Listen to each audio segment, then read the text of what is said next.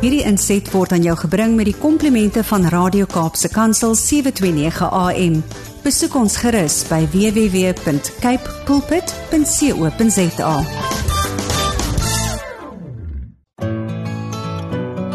Hi, my naam is Filippine.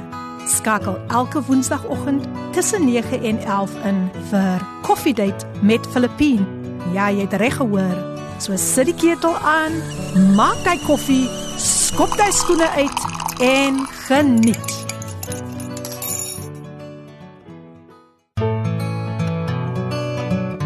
Jy's ingeskakel op jou gunsteling radiostasie Kapse Kansel 729 AM en dis die program Coffee Date. En ons bring so 'n klein bietjie verskil aan Coffee Date vandag.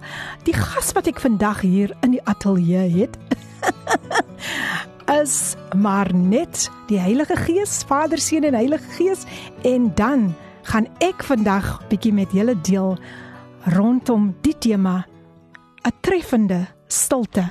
En ek lees vir u nou uit die boek van Psalm hoofstuk 8 vers 5 wat sê wat is die mens dat u aan hom dink en die mensekind dat u hom besoek?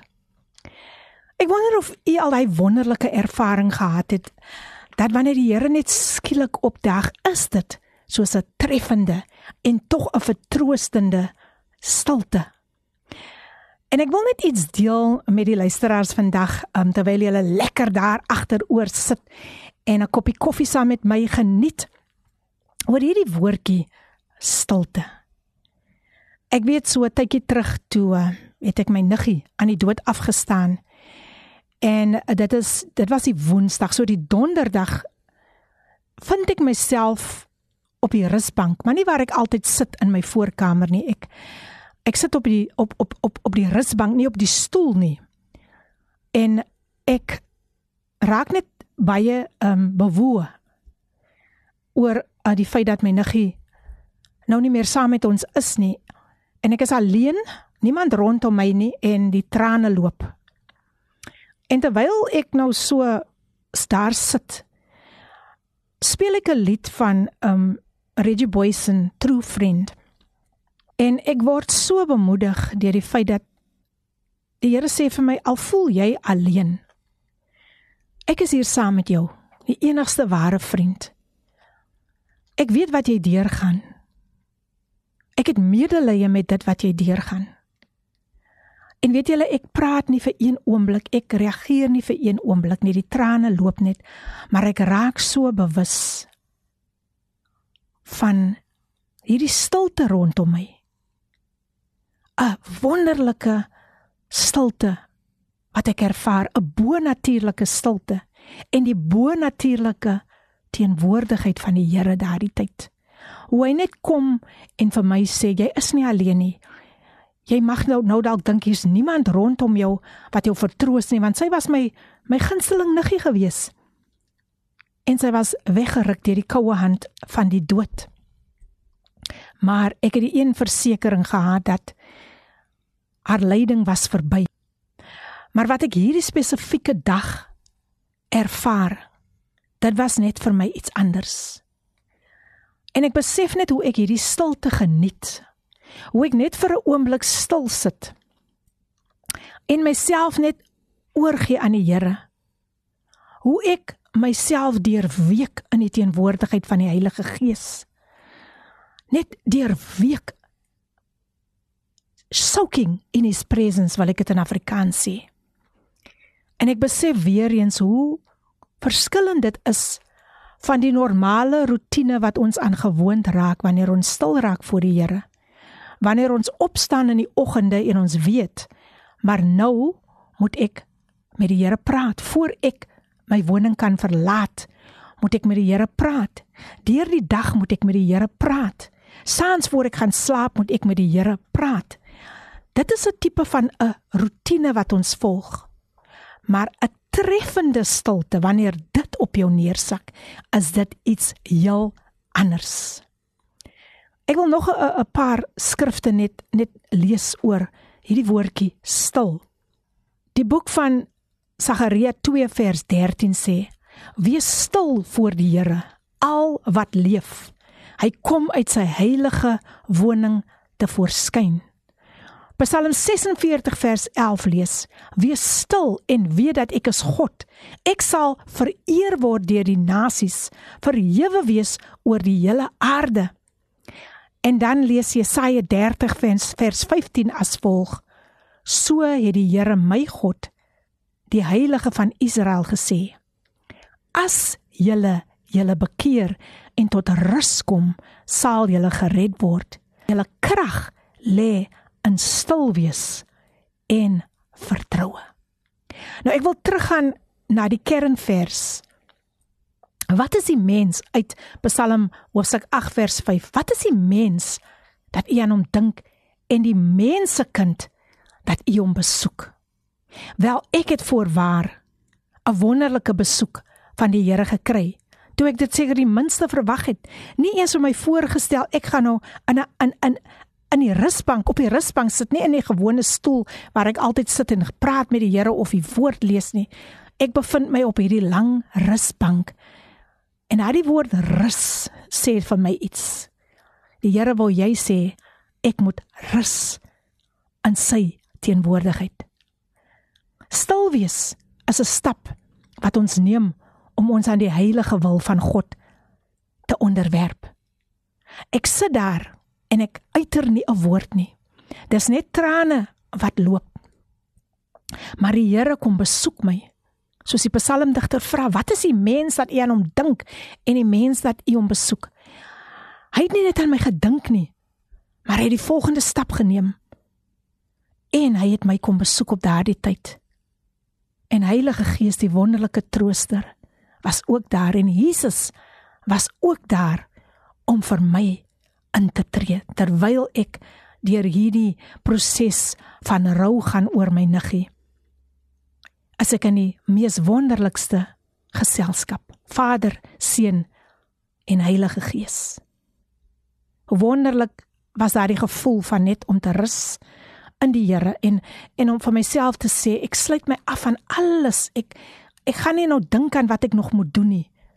Dit is 'n heilige oomblik en dit is 'n intieme oomblik.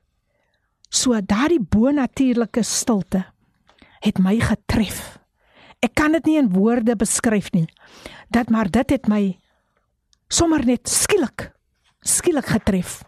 Skielik op my op my neergekom. So dit was intimiteit met God op 'n baie baie hoër vlak as wat ek ooit sou beleef het. Ja, ek het al baie intieme oomblikke gehad, maar dit was vir my geheel en al iets anders.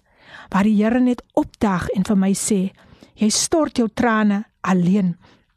Daar's niemand rondom jou nie. Maar onthou, ek is hier. Ek is hier, jou Vader. Ek is hier, koning Jesus. Ek is hier by jou. Ek sal jou nooit begewe en jou nooit verlaat nie. Heilige Gees sê daai dag ek is hier om jou te vertroos. Is dit nie wonderlik om te weet dat ons is nooit nooit nooit alleen nie. Die Here maak altyd beraam altyd 'n plan en die Here daag op.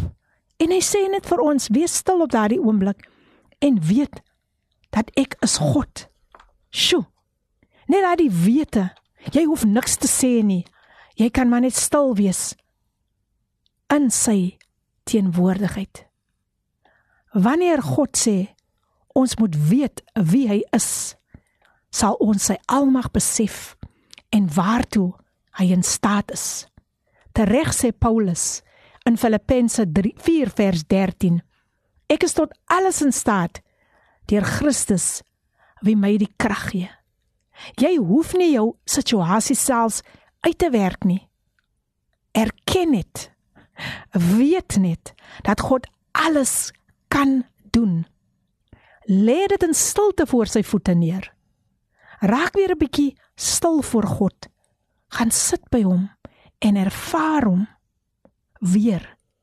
En hoe sag sy hart vir jou klop met soveel deernis wanneer jy deur moeilike tye gaan en jy sal sy groot agape liefde weer eens ervaar. En dis 'n genot om stil te raak in hom. Jy kan dit geniet. Jy kan met hom en voor hom kan jy alles neerlê want hy ken alles omtrent jou. Tereg sê die psalmdigter in Psalm 139: Here, U ken my. U ken my sit en opstaan. U weet dit. U ken my gedagtes nog voordat hulle by my opkom. In jou stilte tyd sal jy kort voor lank ervaar dat iets in jou binneste gebeur. Daar sal 'n gehuppel in jou stap wees. 'n Dans van vreugde wat jou sal beweeg om jou skoene uit te skop. Jy sal weer stil weg vir die lewe kan glimlag en dit in die oë staar na enige ontbering. Ek lees hierdie aanhaling so pragtig nou die dag. Dit sê trek die gordyne om my hart wyd oop liefdevolle God. Sjoe, trek die gordyne om my hart wyd oop. Somstyds is ons harte toe. Somstyds wil ons nie toelaat dat mure afgebreek word rondom ons nie. Dit raak amper soos 'n gemaksone. Dit raak amper soos 'n plek van veiligheid. Maar dit het tyd weer gebeur dat ons stil raak voor God en vir hom sê: "Trek die gordyne om my hart wyd oop. Lief die volle God." Sagaria 2 vers 13 sê: "Wees stil voor die Here, al wat leef." Hy kom uit sy heilige woning te verskyn. Die verhaal wat hier afspeel, is hoe dat Sagaria die volk tot gehoorsaamheid roep met die herbou van die tempel, maar ook tot 'n heilige lewe. Sagaria het baie visioene en gesigte gekry, soos ook met die man met die meetsnoer wat ongetwyfeld dieselfde persoon is as die ruiter op die rooi perd in die eerste gesig. Ek het so 'n bietjie gaan oplees daaroor. Dit is die Messias voordat hy aarde toe sou kom. Wat as die engel van die Here in sommige van hierdie geslote prosesse verskyn het. Hy het gekom om Jerusalem op te meet, om sy grootte, rykdom en geestelike standaard te bepaal, omdat hy groot planne vir die stad volgens Sagaria hoofstuk 2 vers 11 het. Hy lewer eerstens sy boodskap aan die jong man Sagaria uit uit vers 4 daarna aan Israel uit Sagaria 2 vers 6 tot 12 en laas aan die hele mensdom. Die kernvers weer eens Sagaria 2 vers 13 Kom ons lees uit Sagaria 2 vers 4 Weens die menigte mense sal Jerusalem 'n stad sonder mure wees Hierdie profesie is nie in Sagaria se tyd vervul nie en ook nie in die jare wat Derek op sy bediening as profeet gevolg het nie. Daarom het dit op die messiaanse era betrekking wanneer groot en wonderlike dinge in Jerusalem sal gebeur. Die stad sal as gevolg van goddelike seënings ver buite sy vorige grense uitbrei en gevolglik 'n oop stad sonder mure wees. Ek is nou nou weer terug en dan gaan ons verder Hoor die woord en vernuwe jou lewe op Radio Kaapse Kansel op 729 AM. Be still and know that I am God. Be still and know that I am God. Be still and know that I am God. I am the Lord that healeth thee. I am the Lord that healeth thee. I am the Lord that healeth thee. Be still that I am God. Be still and know that I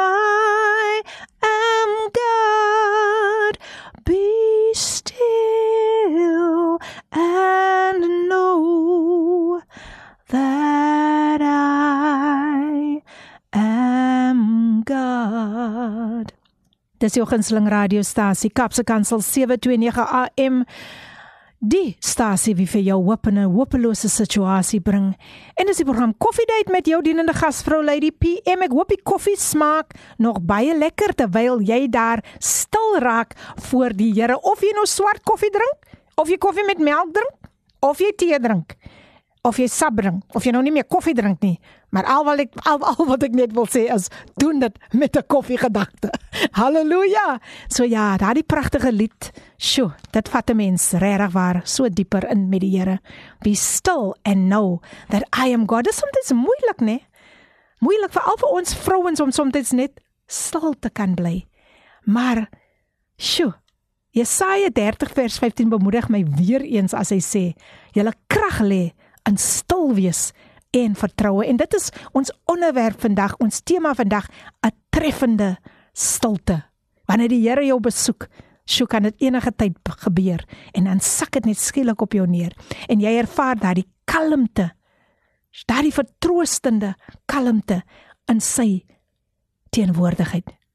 Stil wees, soos ek gesê het, as 'n stap om ons aan die heilige wil van God te onderwerp. God se beloftes sal ons nooit teleurstel nie. Alleenlik wanneer ons stil raak voor God, sal ons krag ontvang. Ons sal minder vrees. Sjoe, en vrees is daarom ook iets anders wat 'n mens soms net so kan beetpak. En ons geloof sal sterker word. Ek wil jou verseker, alles sal uitwerk tot ons voordeel as ons God liefhet en hom vertrou in stilte. Hy's 'n goeie luisteraar. Soms wanneer ons nie 'n woord uiter nie, weet hy alreeds soos ons dit in Psalm 939 um na vore gebring het. Hy weet alles. En soos ek net daai daardie dag stil kom raak het voor God, het ek iets anders ervaar. Hy het geweet ek hoef niks af te gerammel het nie. Want hierdie God wat ons dien, hy is voorwaar. Hy is die beste beste luisteraar. Hy is met ons en hy onderbreek nie wanneer ons in gesprek is met hom nie. Hy luister fyn. En eers wanneer die gesprek klaar is, sal hy antwoord. Soos 'n ware Heer. Ja, hy is 'n ware Heer. Want hy luister in liefde en hy luister met 'n barmhartige hart. Hy ontferm hom oor al ons sorges en dit wat ons bedreig, laat ons met die nodige geduld. Ons wag net op hom. En dit is wanneer ons onsself net aan sy heilige wil onderwerp. Ek is ek is so opgewonde om net hierdie gedeelte te lees uit die boek van Eerste Kronieke. En ek wil lees van wat met Dawid gebeur het en wat hy daarna gedoen het toe hy die goeie nuus ontvang. Nou Dawid het vir die profeet Nathan gesê: "Kyk, ek woon in 'n huis en ek lees nou die eerste vers van Eerste Kronieke hoofstuk 17." Hy sê: "Kyk, ek woon in 'n huis wat met sederhout versier is." En hy noem dit, hy sê: "Maar die verbondsark van die Here staan in 'n tent." Nathan het Dawid geantwoord: "Doen gerus alles wat u in gedagte het.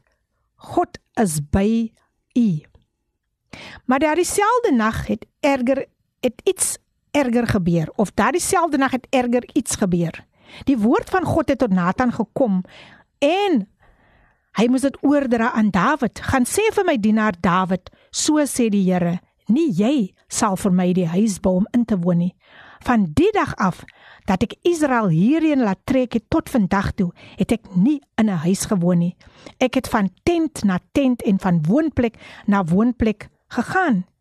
het ek ooit terwyl ek saam met die Israeliete rondgeswerf het vir een van die leiers wat ek beveel het om die leiding van my volk Israel op hom te neem gesê: "Waarom bou julle nie vir my 'n huis wat met sederhout versier is nie?" Ek is nou al by vers 7.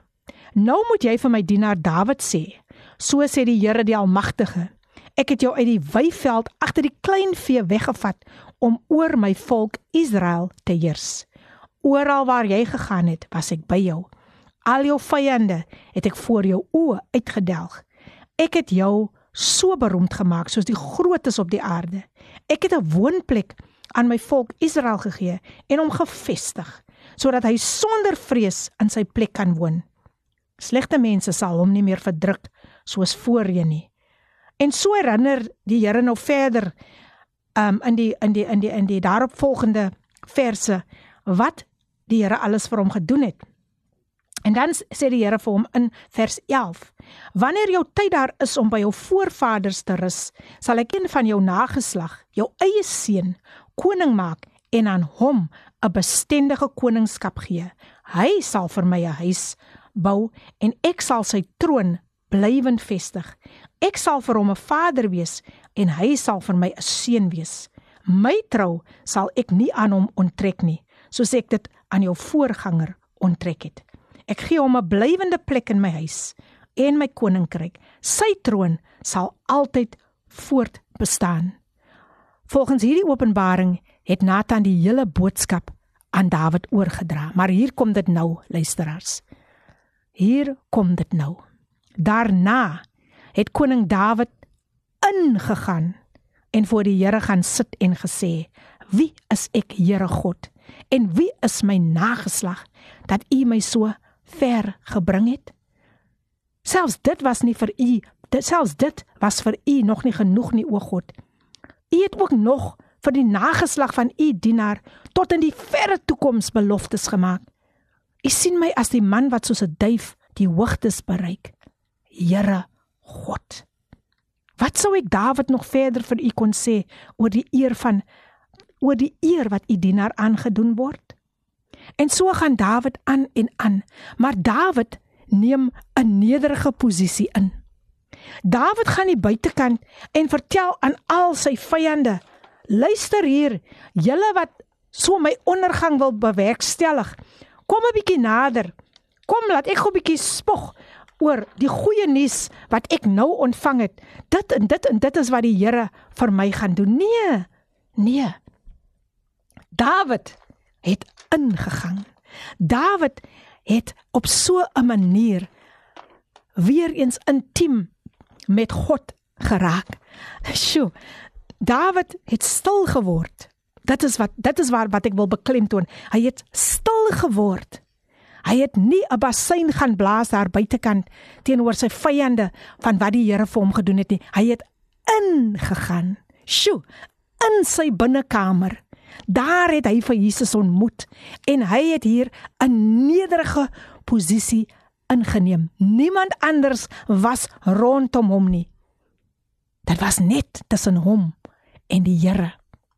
En as ek terugdink aan daar waar ek gesit het, um hartseer, alleen gevoel, niemand is hier om my te vertroos nie. Dan dink ek wat 'n wonderlike manier het die Here nie vir my op 'n watte wonderlike wyse die Here nie vir my kom bedien nie. Terwyl ek so stil is en nie 'n woord uiter nie, sê die Here vir my, weet jy, Filippin, jy jy bid vir soveel mense. Elke oggend as jy opstaan, bid jy vir ander. Saans as jy weer met my verkeer, bid jy vir ander. Deur die dag bid jy vir die vir die vir die al die um, leerders en onderwysers en mense wat van die werk af kom. Maar weet jy wat? Nou, hierdie tyd hierdie treffende stilte wat jou nou tref, dit is net tussen ons twee. Wow, ek sit daar die dag so in verwondering. En ek kry net so 'n kalmte wat oor my kom en luister as ek kan nie vir jou beskryf die sagte en stille teenwoordigheid van die Here daardie dag nie. En die manier hoe hy kom, my kom vertroos het. En hier moes Dawid Dawid het besluit ek gaan in Ek gaan met niemand dit deel nie. Dis nou net tussen my en die Here. Ek wil die Here loof. Ek wil hom prys. Wat is die mens, Here, dat U aan hom dink en die mense kind dat U hom besoek. Sjoe. Dawid vra vir die Here, Here, wie is ek en wie is my nageslag dat dit ons te beurt moet val? Jy weet ons is so geneig om om en ons almal, ons almal is skuldig daaraan. Wanneer ons goeie nuus hoor, sjoe, ek wil dadelik vir my nou nou ek gaan gaan gaan gou dadelik iemand bel of sjoe, ek gaan gou op WhatsApp, ek gaan nou die goeie nuus deel. Sjoe, um, ek kan nie wag uh, om om om dit by die werk te kom deel nie. Sjoe, ek kan nie wag om dit daar vir my broer of my suster in die kerk te deel nie. Nee, nee, nee. Dawid het ingegaan toe hy goeie nuus kry. Hy het dit nie aan die wêreld gaan verkondig nie. Ha, dit was 'n tyd 'n treffende tyd tussen hom en die Here. Niks anders. Hy het homself afgesluit van die wêreld daar buite en dit is presies wat ek daardie dag ervaar het. Sjoe, niks het saak gemaak nie. Ek het nie gedink aan die 110 dinge wat ek nog moet gaan doen nie. Maar alles het net stil kom word en niks het meer saak gemaak van my program besige besige skedule vir die dag nie. Nee. Nee, daai to-do list moes een kan gesit word. En nou was dit daai stilte wat ek tussen my en die Here ervaar het, want soms is ons geneig om so besig te raak.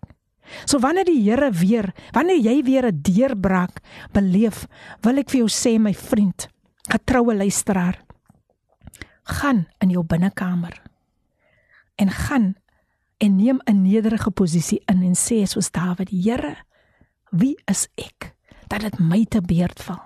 En dan begin jy die Here te loof en te prys soos Dawid. Sjoe, ek ek ek kyk nou hier na vers 26 in 1 Kronieke hoofstuk 17. Dawid sê hier: "En nou Here, U is God. U het hierdie goeie beloftes aan u dienaar gemaak. U dring daarop aan om die huis van die dienaar te seën, dat dit vir altyd in u diens sal wees. U Here het geseën. Daarom is dit vir altyd geseën. Sjoe, wanneer die Here opdaag, hy sal jou seën. Hy sal jou dubbelmatig seën. Hy sal jou weer en weer en weer seën. Maar onthou, dis ook 'n proses om geseën te word. Dawid het nie teëgestribbel nie. Dawid het nie gesê nie, maar Here, ek wil, ek wil dit vir U doen nie. Nee. Dawid het toegelaat dat die wil van die Here geskied. Soos dit hier sê, sjo, dat ons ons aan die heilige wil van God moet onderwerp. Dit is wanneer ons stil raak voor God. Ons nie bekommer oor wat ons nie vanaand op die, op die tafel gaan hê om vir ons familie voor te sit nie. Maar soos Abraham kan ons ook stil raak en sê Here, net soos Abraham gesê het God sal voorsien, gaan U voorsien. So ek sit nou hier voor U in stilte. Ek hoef nie my mond oop te maak nie. Ek kan net stil wees, stil wees want in stil wees en vertroue lê ons krag. Ek is nou nou weer terug en ek raak so opgewonde oor hierdie woordjie stil en ek wil dit net verder met u deel. Ons is hier vir 24 uur met die boodskap van die ware lewe met Radio Kaapse Kansel op 729 AM. Dis jou gunsteling radiostasie Kaapse Kansel 729 AM. Jy hoef nie vandag alleen te voel nie. Maak Kaapse Kansel jou daglikse reisgenoot en intussen kan jy 'n lekker koppie koffie geniet want dis die program Coffee Date met jou dienende gasvrou Lady PM. Ons praat vandag sjo oor die tema die treffende stilte. Wow, hoeveel van julle het dit al ervaar as die Here net so net wanneer jy dit die minste verwag, kom hy skielik net so woep En daar sit jy. Jy kan nie 'n woord uiter nie. Want die teenwoordigheid van die Here is so so so kragtig. Ek wil teruggaan na die boek van Sagaria hoofstuk 2. Sjoe. Ek het ek het aan julle gelees dat ehm um, die Here 'n boodskap aan Sagaria eers ge, gebring en dan aan Israel en toe aan die hele mensdom. En sjoe, Maar die die die die, die kern die kernvers hier die kernvers hier is sjo wees stil voor die Here al wat leef. So dit wil sê ons moet soms onsself net so oorgee aan die Here in stilte. Weet jy, ek ek wil so graag net vir jou uitdag en sê jy moet dit probeer. Jy moet dit regtig waar probeer. As jy dalk nou deur deur 'n stryd gaan, gaan later daar in jou binnekamer of gaan sit net stil, selfs op 'n plek wat jy nog nooit gaan stil sit nie. Wanneer het ek het ek besef, dit is eintlik my war room wat ek nou die dag betree het. Dit is my war room gewees. Want jy weet ek sit daar en die vyand sit allerlei dinge. Hy doen mos dat jy's jy's jy's toksiel alleen, jy heel alleen, jy's niemand wat jou kan vertroos nie. Maar ek sê vir jou, Ek sê vir jou toe ek is daar die lied speel van 'n true friend. Toe is ek in my oorlogskamer met my volle wapenrusting aan. En ek raak net stil voor die Here. Ek raak net stil. Ek hoef niks fisies te gedoen het om die vyand wil te, te wil kom plat slaan nie. Want in stil wees en vertroue sê die woord van die Here, lê julle krag. Sjoe, sjoe, sjoe. Nou nou die profesie wat wat destyds uitgegaan het um, in die tyd van Sagaria. Dit is nie in sy tyd vervul nie en ook nie in die jare wat direk op sy bediening as profeet gevolg het nie. Daarom het dit op die messiaanse era betrekking wanneer groot en wonderlike dinge in Jerusalem sal gebeur. Ek het weer 'n bietjie gaan oplees. Die stad sal as gevolg van goddelike seënings ver buite sy vorige grense uitbrei en gevolglike oop stad sonder mure wees. Sjoe. As gevolg van die Here se teenwoordigheid sal die stad geen versterking of beskerming nodig hê nie. Die Here sal vir die stad soos 'n vuurige muur rondom wees en tot die heerlikheid. Sjoe, ek raak opgewonde daar binne. Tot heerlikheid daar binne volgens Sagaria 2 vers 5. Hierdie belofte kyk vooruit na die Here se persoonlike teenwoordigheid deur die Messias gedurende sy duisendjarige vrederyk op aarde. Sagaria het 'n gesig gehad van die Here se heerlikheid wat die hele stad sou vervul. Gaan lees daar uh Sagaria hoofstuk 'n vers, ja hoofstuk 2 vers 5. En dit sou ook die heerlikheid sou ook die land vervul. Sagaria hoofstuk 2 vers 2. Hoe wonderlik is dit nie ook om te kan besef dat wanneer ons in stilte na die Here toe gaan, daar geen grense, geen beperkings of mure is wat ons toegang kan blokkeer nie. Want Jesus het die blokkades gelig. Daar is selfs nie 'n spesifieke tyd wanneer ons in stilte met hom kan verkeer nie. Ons hoef nie 'n afspraak te maak nie, is dit nie wonderlik nie, want hy is 24/7 tot ons beskikking. Ons moet hom net vertrou in stilte. Vertrou en ons sal sy krag, sy heerlikheid ervaar waarmee hy ons sal omring. 'n Muur van vuur as beskerming. As jy vandag alleen voel en en en jy luister na hierdie boodskap, dan wil ek vir jou sê, die Here kom besoek jou. Wees net gereed vir sy besoek. Dit ge, dit kan enige tyd gebeur.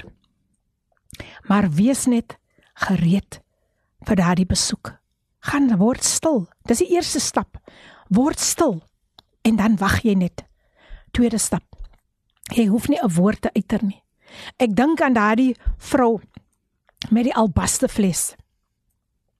Ek dink hoe sy mure rondom haar gebou het. Vir haar was dit soos 'n veilige hawe, wil ek amper sê. Sy het geen ander veiligheid geken nie as om net vir haar toe toe te maak.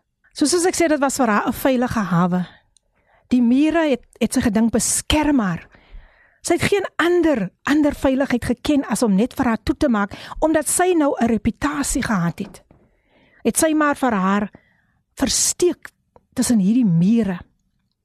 Maar die dag toe sy hoor dat Jesus haar stad kom besoek, toe gebeur daar iets met hierdie vrou. Sy breek uit daardie mure en sy breek deur en sy breek voort. Breek uit? Ja. Eerstens het sy uitgebreek.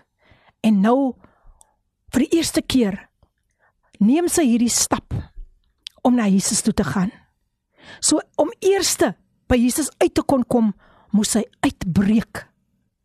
Moes hy erken Maar ek kan nie heeltyd net hier agter hierdie mure bly nie. Ek het vir Jesus nodig. So sy breek uit. En sy is op pad na Jesus toe. Sy stap. Sy breek voort. Niks gaan haar stop nie. En daar kom sy.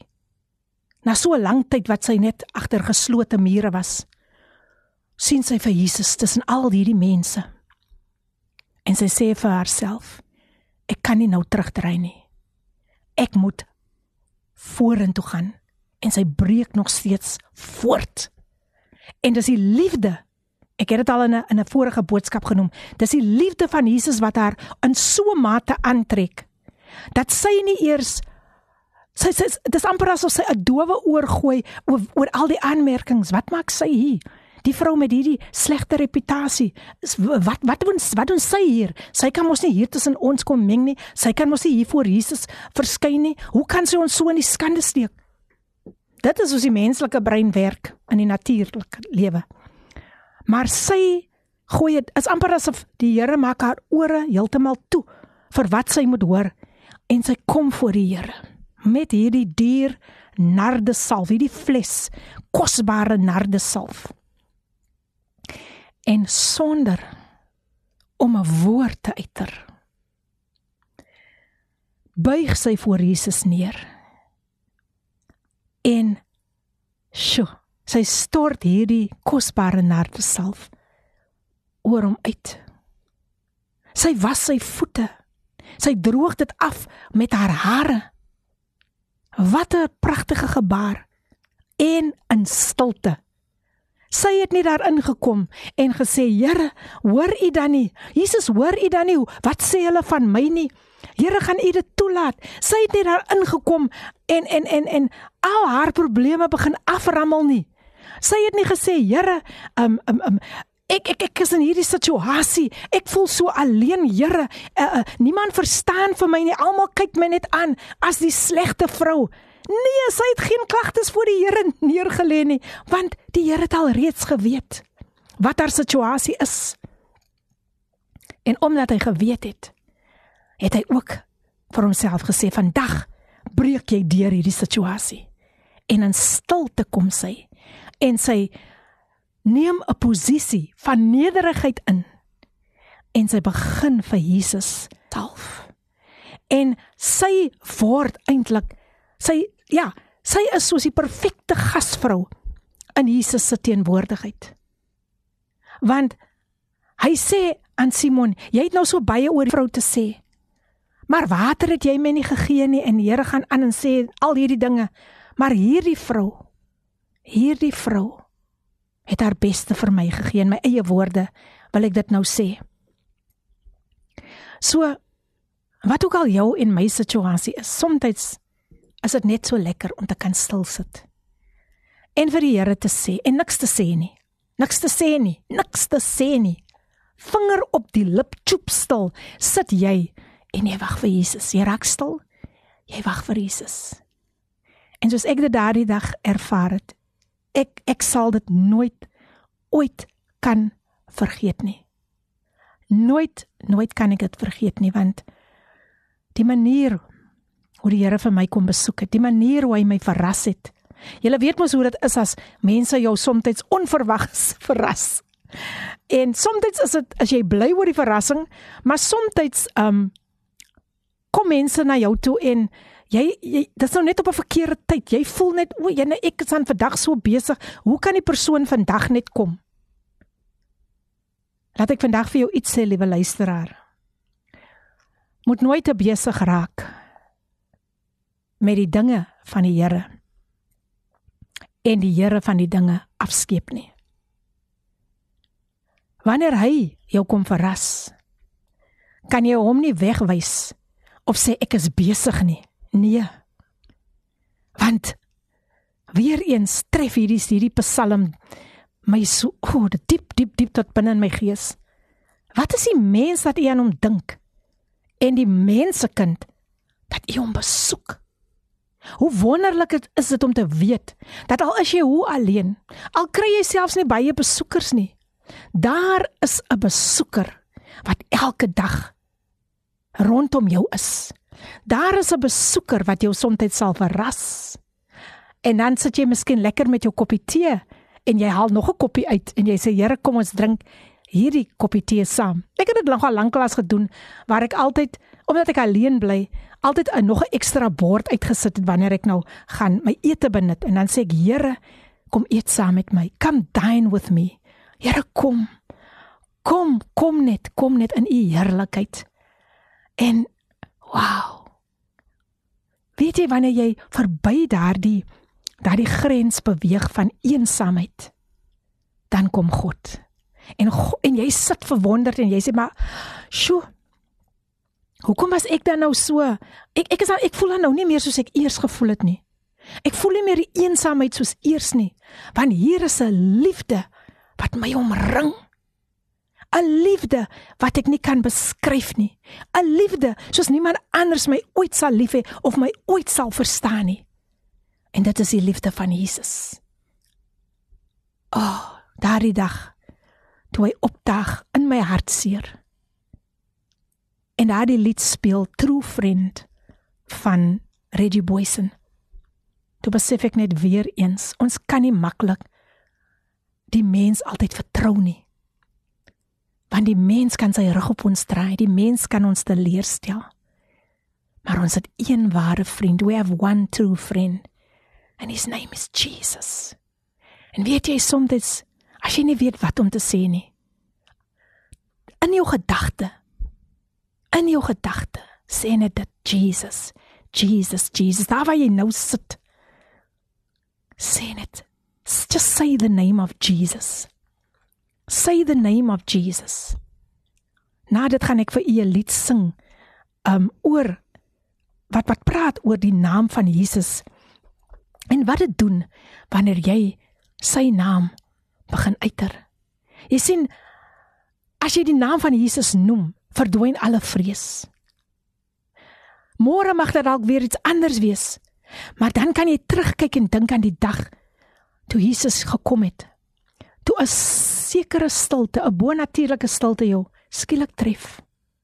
En dan bemoedig jy jouself weer van oor af. Maar die Here het dit daai dag vir my gedoen. So ek moet net weer kom stil word en weet dat hy is God. Ek is nou nou weer terug. Jy luister na Radio Kaapse Kansel op 729 AM. Say the name of Jesus. Say the name of Jesus. Say the name so precious. There is no other name I know. Say the name of Jesus. Say the name of Jesus. Say the name so precious. There is no other name I know that can calm your fears and dry your tears and wipe your tears away. When you don't have the words to say, when you can't make it through another day, say the name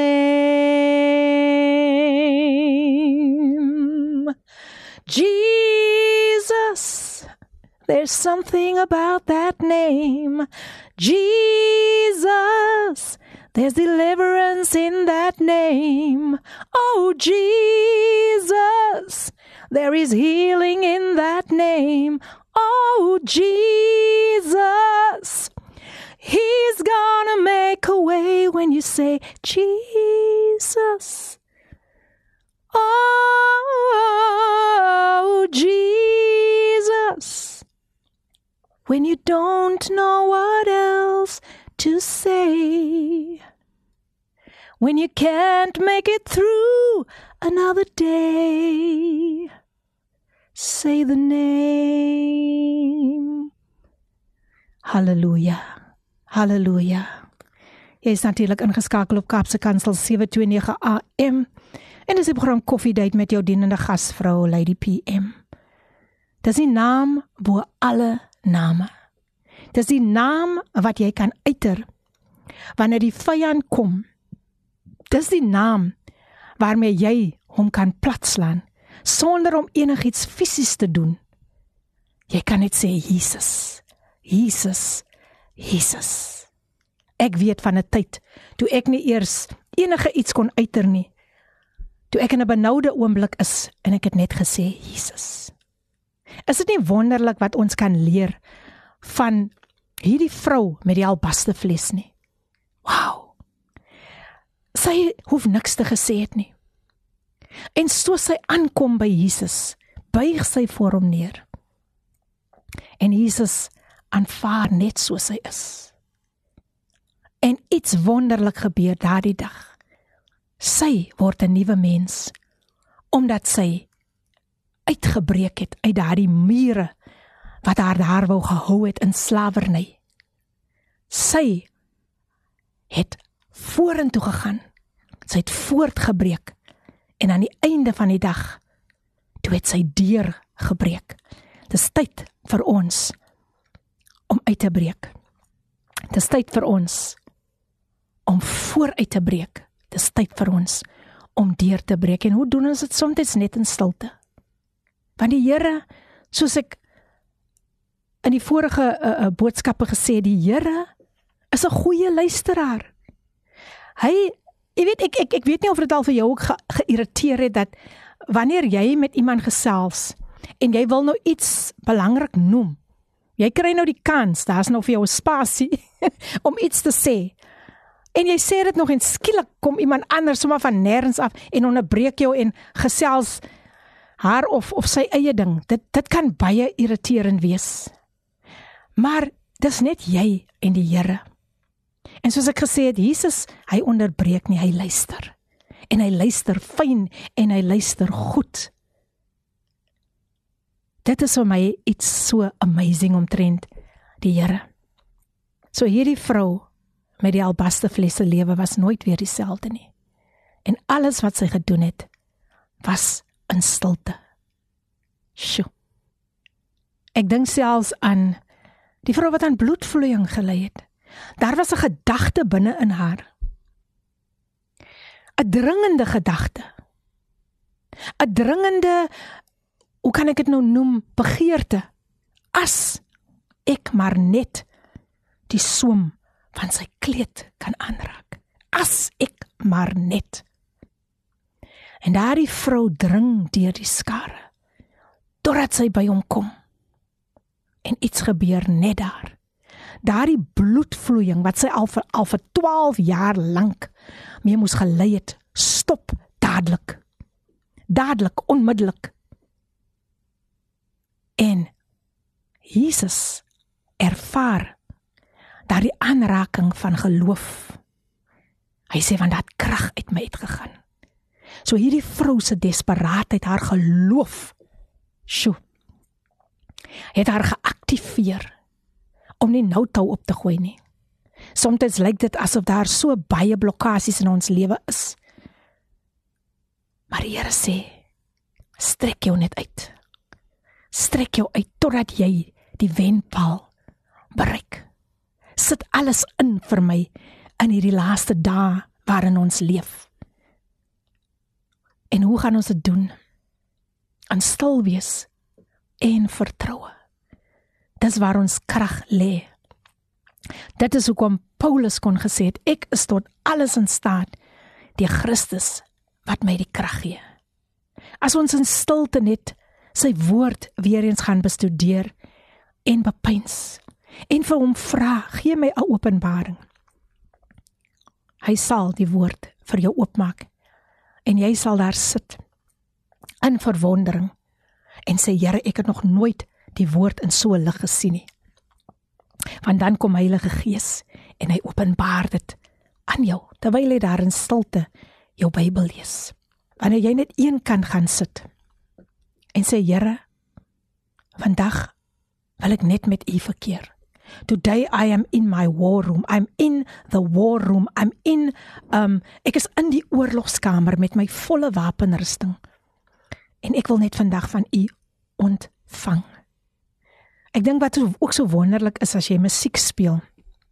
En um soos die lied wat nou net nou net so pas gespeel het, To True Friend van Reggie Boysen. En jy lê net voor die Here en jy sê niks anders nie, jy sit net daardie musiek aan dan gebeur iets wonderbaaks met jou. En in hierdie tyd wat ons ingaan, Desember maand lê op sy rug. Desember maand is binnekort een van die dae verby. 2023 gaan verby. Hoe gaan ons hierdie jaar afsluit? In stilte voor die Here? Of gaan ons liewer besluit om maar na die naaste hulpbron te hardloop. Na die bank toe en 'n lening te gaan maak of na enige ander tipe hulpbron behalwe om eers vir God te raadpleeg. Ja, God stuur mense op jou pad om jou te help. Maar jou eerste stap is jy moet jy moet eers voor die Here lê. Soos 'n Dawid wat ingegaan het.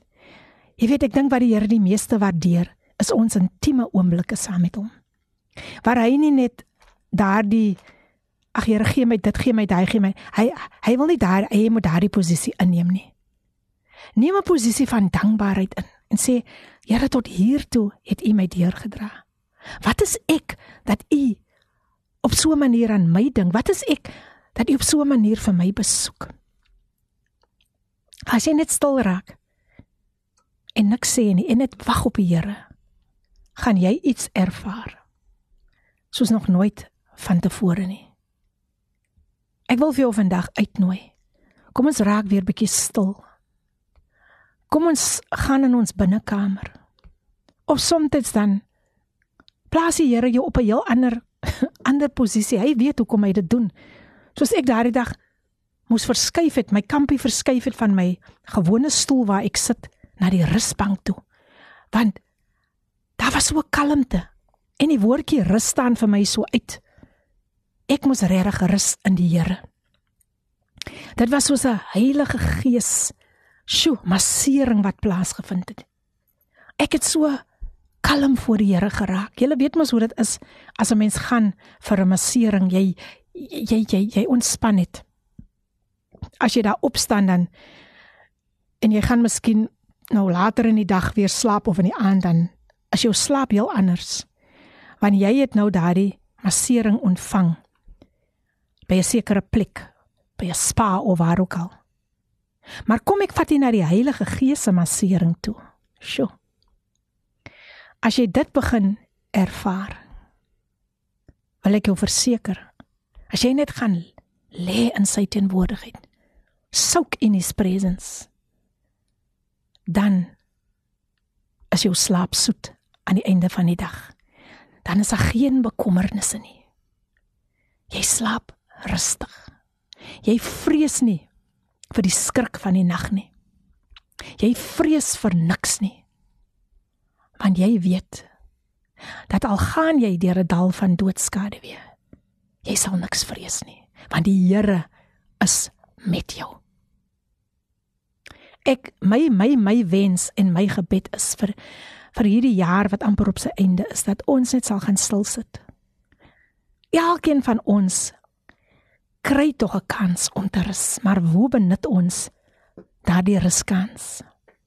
Ek kon daardie dag besluit het maar ek het so 'n 'n besige lysie van goed maar ek gaan sit net daar vir 'n oomblik en ek wou nie eens weer daar opstaan nie. Ek het daardie streffende stilte geniet. Ek het dit so wonderlik geervaar. Dat ek net meer en meer en meer daarvan begeer. 'n Tydjie afknyp om net saam met die Here te kan wees. Om uit ons besige en bedrywige lewe te kom en te sê maar ek ek wil net gou sit. Ek wil net sit, ek hoef niks te sê nie.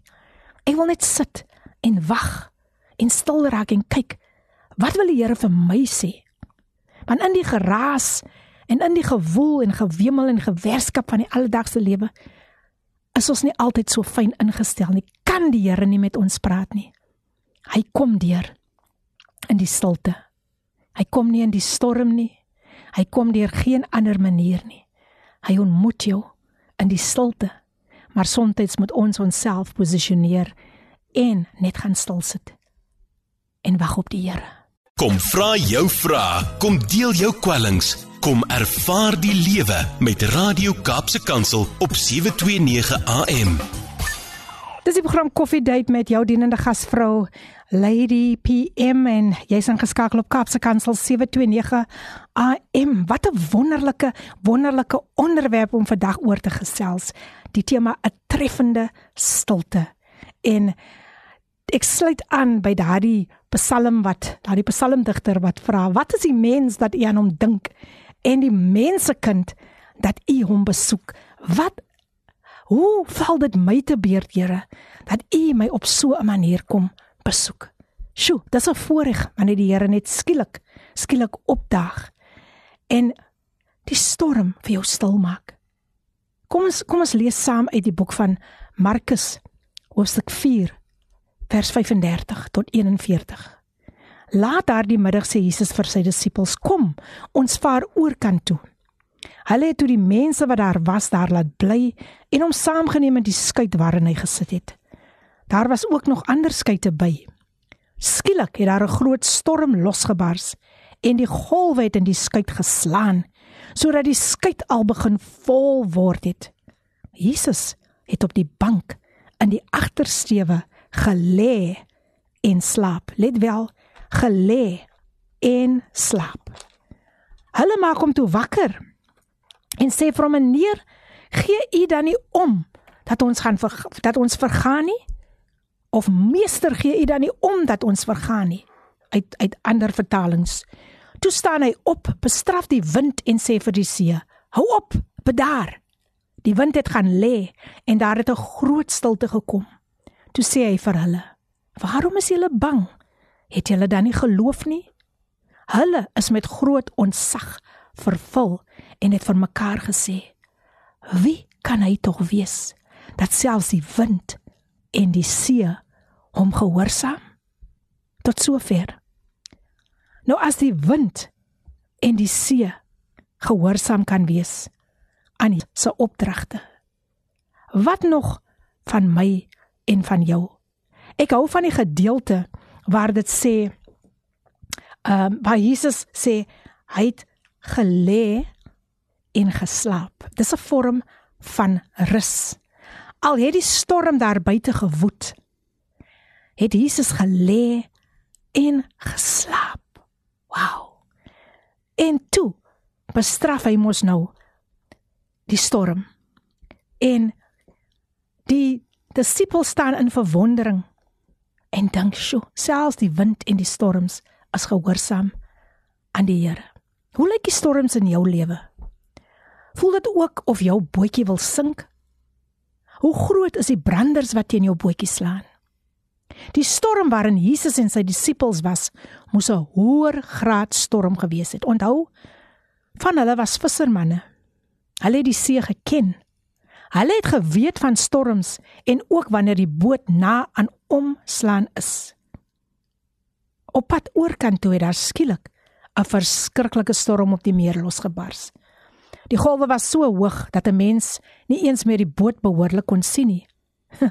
Hier kom dit weer. Tog het Jesus gelê en slaap. Hy het mos die vorige nag deurgewerk. Sy disippels kon dit later nie meer hou nie en maak hom wakker en hulle sê Here help, ons is besig om onder te gaan. Jesus rus in die storm. Hy rus.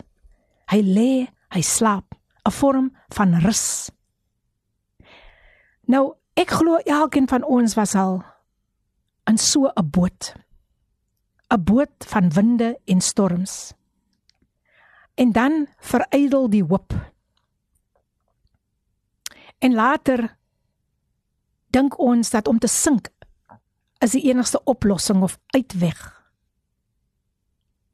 Die storms kan soms lank aanhou. En jy voel jy het nie 'n kans, jy staan nie 'n kans teen hierdie storm nie. En jy wil nog probeer om die storm op jou eie te beheer, maar daar is geen uitweg nie. Alles lyk so hopeloos en aan God se kant is dit so stil. Daar kom die woordjie weer, stil.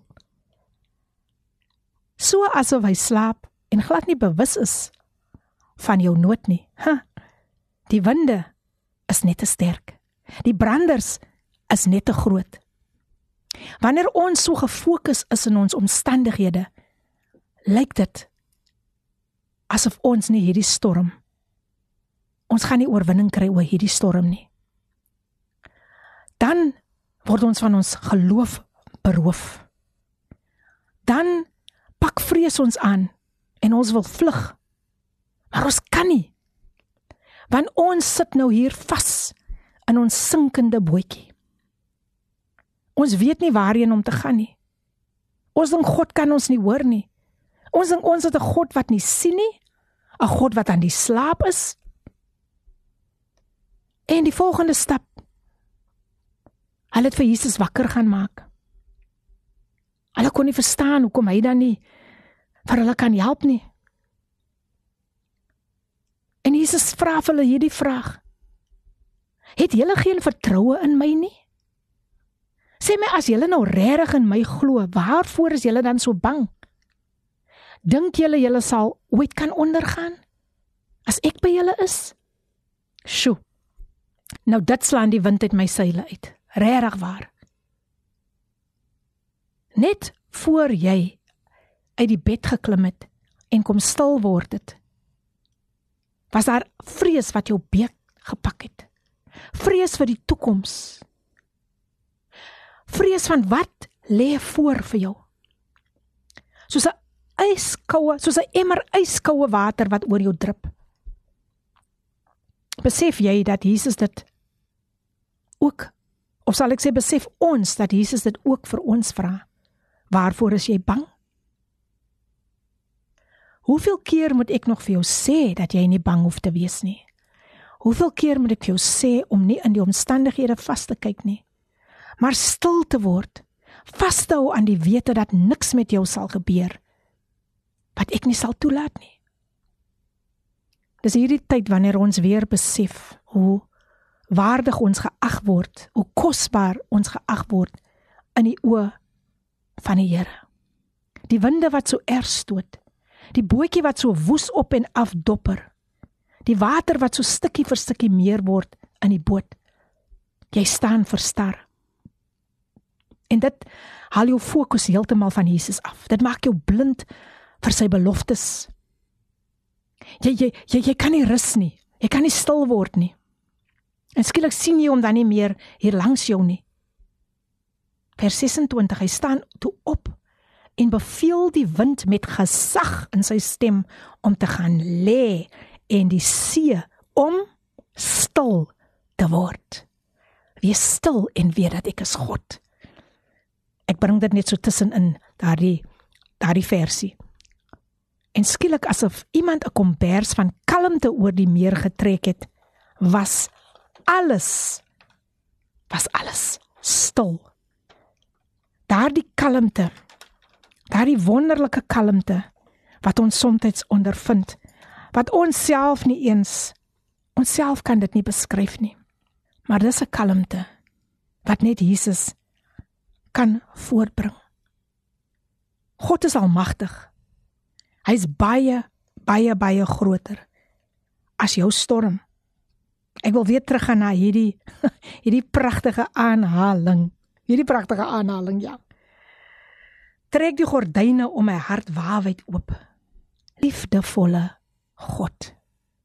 En hier sê dit in vers 26 skielik asof iemand 'n kombers van kalmte oor die meer getrek het, was alles stil. Sjoe. Maak my hart kalm, Here. Trek die gordyne om my hart waawyd oop. Laat ek my hart oopstel vir U en rus in U.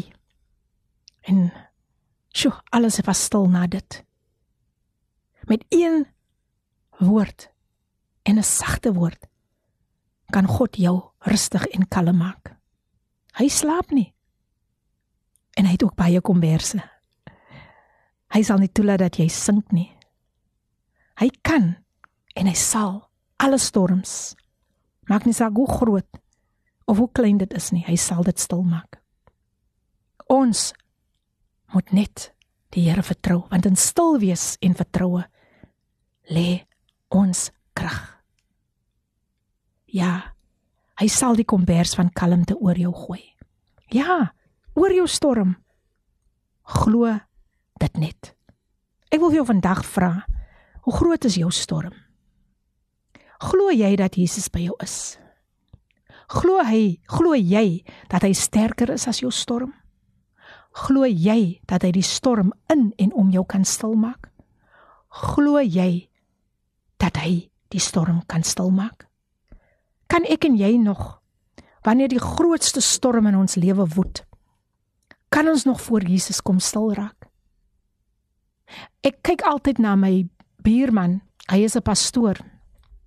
En ek weet dat daar is ook storms in sy lewe. Daar is finansiële storms wat woed in sy huis. Maar ek kyk altyd na hierdie pastoor en ek dink elke keer as ek hierdie man sien, het hy 'n glimlag op sy gesig. En daardie glimlag trek my, dit trek my, dit trek my op so 'n manier, dit dryf my na so 'n punt toe dat ek vir myself sê, Here, ek skep moed in hierdie man. En as ek vir hom vra, hoe gaan dit? Dit kan maar hoe hoe gaan. Maar hy gaan vir my sê, dit gaan goed my suster. En dit is wanneer jy kan rus in die Here. Te midde van wat rondom jou aangaan. Te midde dat jy as broodwinner nie 'n werk het nie en jy kan nog steeds in daardie storm glimlag. Daar is mos 'n lied wat sê glimlag deur die stormwind want jy is mos 'n koningskind. Môre sal die son weer skyn. Miswolke sal dan verdwyn. Glimlag deur die stormwind. Jy is mos 'n koningskind. Môre sal die son weer skyn. Miswolke sal dan verdwyn. Glimlag deur die stormwind. Want jy is mos 'n koningskind. Jy is mos 'n koningskind. Ja, jy is mos 'n koningskind. So maak nie saak hoe woest daar buite gaan nie. Wanneer ons net in Jesus rus. Wanneer ons besef hy is in daardie bootjie van ons storms.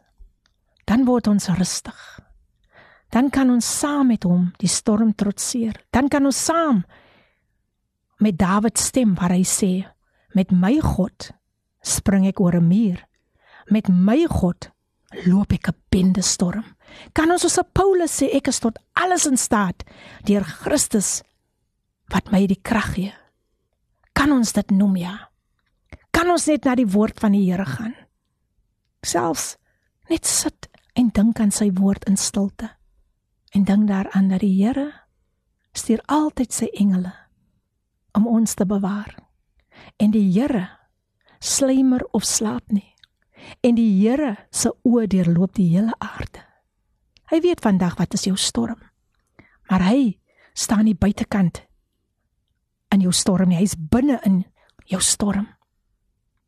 Ek wil vandag vir jou sê kom ons prys die Here self in die grootste storm. Kom word daders van die woord saam met Radio Kaapse Kansel op 729 AM. Klanke van die lewe. So vandag wil ek hê jy moet jou pryskleed aantrek. Ek wil hê jy moet jou pryskleed moet jy gaan gaan skoonmaak as 'n bietjie stof daar opgekom het en jy het vergeet om dit weer aan te trek en daar een kant te gooi. Ek wil hê jy moet hom nou dadelik gaan haal en hom aantrek en vir die Here sê Lord, I'll praise you in the storm. Maak nie saak wat ek deur gaan die Here, ek gaan U prys, ek gaan U loof, ek gaan U eer want U is nog steeds God. Halleluja. So ja mense, dis die program Coffee Date en jy's ingeskakel op Kapse Kansel 729 FM, jou gunsteling radiostasie en ons drink nog lekker koffie saam in stilte. in stilte tel ons daardie geloofsbeker op, soos Ricardo Benet altyd sê, uh, die geloofslepel word geroer hier op koffiedייט en ons kan soms net stil raak en na die geloofslepel roer en net sê Lord, I'm going to praise you in the storm. Ja, nie altyd maklik nie. Maar prys. Prys veroorsaak dat die vyand vlug. Prys veroorsaak dat wanneer jy opstaan, ek weet ek dink julle het al hierdie hierdie enetjie gehoor waar hy sê, "Oh no, she's back." So dit is hoe jy hom moet jy weet dit is hoe jy hom moet benader en vir hom sê, "Man, ek is bekleed met die volle wapenrusting. Ek is bekleed, ek het my pryskleed vandag aan en ek rus in die Here in stilte.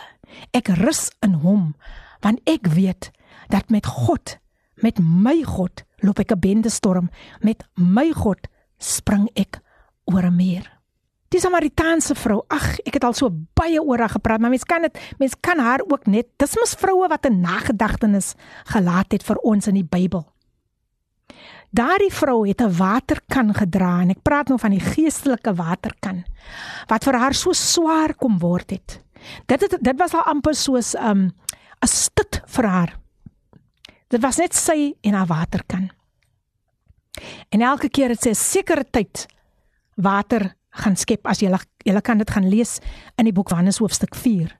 'n Sekere tyd het sy gegaan want sy wou nie hê mense moet haar sien nie want weer soos die vrou met die albasterfles het sy ook 'n reputasie gehad. En hierdie vrou dit was nou weer 'n ander scenario waar sy met die Here gepraat het want die Here was mos in gesprek met haar. Toe die Here praat, toe moet sy terug antwoord, natuurlik. En ehm um, nadat hy nou vir haar vra om vir haar water, om vir hom water aan te bied, om vir hom water te skep. Toe vind sy dit nou baie snaaks. Want sy vra vir hom in Johannes hoofstuk 4 vers 9 verbaas. Sy sê vir hom: Hoe vra jy wat 'n Jood is vir my 'n Samaritaanse vrou water om te drink? Die Jode en die Samaritane gaan immers nie met mekaar om nie. En hier doen Jesus maak Jesus die uitnodiging. Jesus het haar geantwoord: As jy geweet het wat God gee en wie dit is wat vir jou sê, gee vir my 'n bietjie water om te drink, sou jy hom gevra het en hy sou vir jou lewende water gegee het. En so gaan sy aan en sy redeneer nog steeds met Jesus. En Jesus sê vir haar in vers 13: Elkeen wat van hierdie water drink, sal weer dors kry. Maar wie van die water gedrink het wat ek hom sal gee, sal in ewigheid nooit dors kry nie. Ek dink nou aan die psalmdigter wat sê na waters waar rus is, waar daar stilte is, lê hy my heen. So hierdie vrou het 'n keuse gehad of ek aanvaar dit of ek redeneer nog steeds met die Here. Maar hier kom die antwoord nadat Jesus vir haar sê: "Nee, die water wat ek hom sal gee, sal in hom in 'n hom 'n fontein wees met water wat opborrel en vir hom die ewige lewe gee." Ek dink net nadat Jesus daardie kragtige woorde geuiter het, kom daar 'n rustigheid oor hierdie vrou. Ek dink dit is wat sy moet ervaar het, want net daarna aanvaar sy die uitnodiging en sy sê vir hom in vers 15: "Meneer, gee vir my van daardie water, sodat ek nie weer dors sal kry en hier hoef te kom water haal nie." En so gaan dit aan en aan en aan en aan. Sy moes op 'n plek kom waar haar storm ook moes stil gemaak word en sy moes gelei word na waters waar rus is. En sy moes van hierdie lewende water waar sy nooit weer dors sal raak nie waar sy nooit weer daardie eensaamheid sal aan, aan ervaar nie. Sy moes dit benut.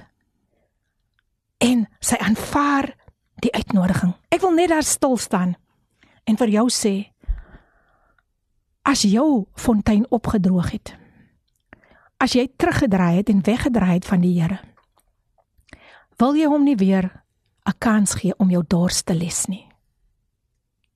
Ek dink hoe baie kere mense probeer om hulle dors op ander maniere te les. Hierdie vrou het dit ook probeer. En Jesus sê vir haar gaan roep jou man. Hy, hy het geweet hoekom hy dit vra. En sy sê vir hom: "Ek het nie 'n man nie." En Jesus sê vir haar in vers 17: "Dis reg wat jy nou gesê het. Ek het nie 'n man nie. Jy het reeds 5 gehad en die een wat jy nou het is nie jou man nie. Jy het die waarheid gepraat." Hier was sy oop en bloot voor die Here. Hier het sy al reeds haar voor die Here oopgemaak. Ek het nie 'n man nie. Hy sê vir haar: Jy het reeds 5 gehad en die een wat jy nou het, ek wil net daar byvoeg, um, net byvoeg nie. Ek het 'n rede hoekom ek dit sê. Ek wil dit net so inbring. Sy het sy die sesde man wat sy gehad het, is ook nie haar man nie. Maar toe die sewende man opdag, toe Jesus opdag, toe droog toe toe toe daardie fontein, daardie daardie droë situasie, daardie eensame situasie wat sy haar inge ingebevind het, toe kom die sewende man wat van volmaaktheid praat en hy vervul haar lewe vol maak. So seer dat sy kon daai water kan los, die water van kan van die verlede. Ja, sy het dit gelos. Sy het dit nie weer opgetel nie. Dit was nie meer nodig nie. Want hier het Jesus nou haar dors geles. Dit sê in vers 28 die vrou het toe haar water kan net daar laat staan en na die dorp toe gegaan en vir die ander mense gesê kom kyk vers 29 hier is 'n man wat my alles vertel het wat ek gedoen het. Is hy nie miskien die Christus nie? Die mense het toe uit die dorp uit na Jesus toe begin kom. Die eerste vroulike evangelis in die boek van Johannes hoofstuk 4 kom na vore. 'n Vrou wat destyds nie eers saam met die mense water wou kom skep het nie. 'n Vrou wat haarself ook weggesteek het agter mure soos die vrou met die albaste fles. 'n Vrou wie nooit haar mond oopgemaak het wanneer mense um aanmerkings maak wanneer mense haar wil afkraak nie. As 'n vrou wie se posisie verander het na die eerste vroulike evangelis in die boek van Johannes hoofstuk 4. Ek wil hê jy moet die hele skrif gaan lees en hoe sy deur dit wat sy aan die mense gaan verkondig het, deur dit wat sy vir Jesus gaan verkondig het, hoe sy ander mense, hoe ander mense se lewens verander het. Wow. En en die, en die Samaritane in hoofstuk 39 sê dat sê baie van die Samaritane in daardie dorp het tot geloof in Jesus gekom. Sjoe, tot geloof in Jesus gekom. Op grond van die woorde van die vrou wat getuig het, hy het my alles vertel wat ek gedoen het. Vers 40. Toe die Samaritane by Jesus kom, het hulle by hom daarop aangedring om by hulle te bly. Hy het twee dae daar gebly.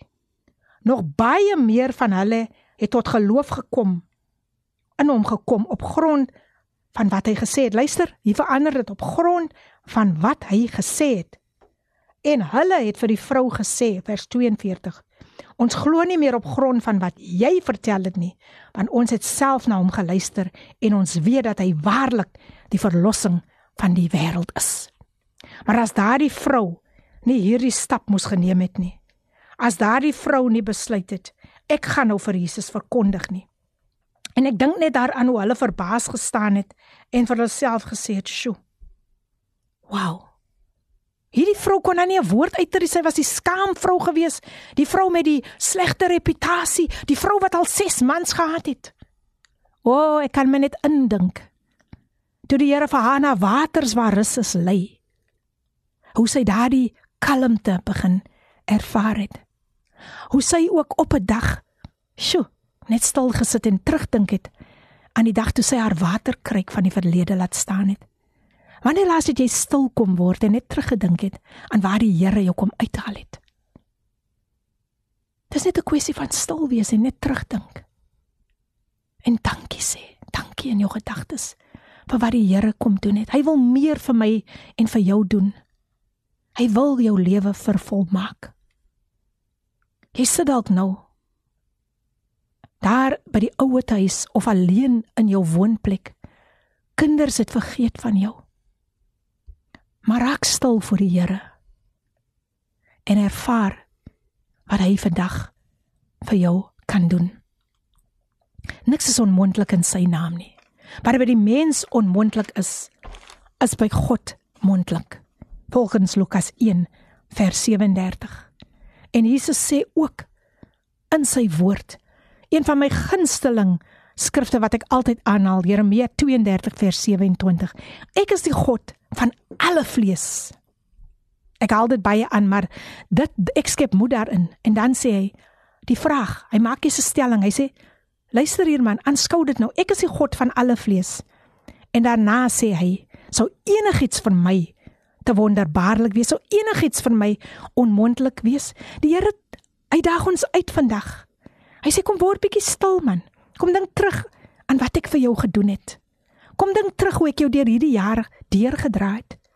En as jy gaan stil sit en dink, wat het die Here vir jou gedoen in die tyd wanneer jy wanneer die storm so gewoed het? As jy nou nog die genade het om na hierdie boodskap te kan luister op Kaapse Kansel op Koffiedייט, kan jy werklik waar sê die Here het jou deur gedra. Sy hand was oor jou. So kom ons raak net weer stil voor die Here en ons eer hom in ons stilte en ons loof hom.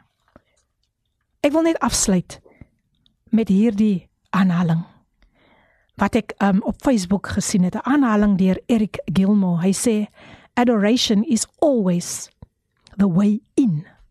En dan sê hy stillness is always the way to adoration. Surrender is always the way to stillness. Is dit nie pragtig nie?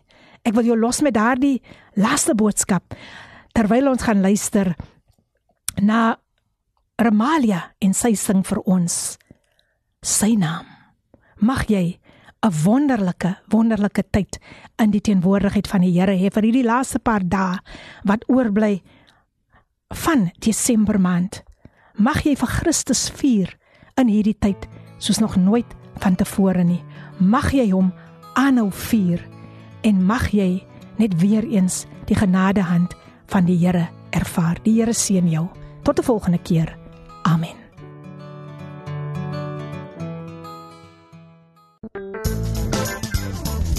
Hierdie inset was aan jou gebring met die komplimente van Radio Kaapse Kansel 729 AM. Besoek ons gerus by www.cape pulpit.co.za.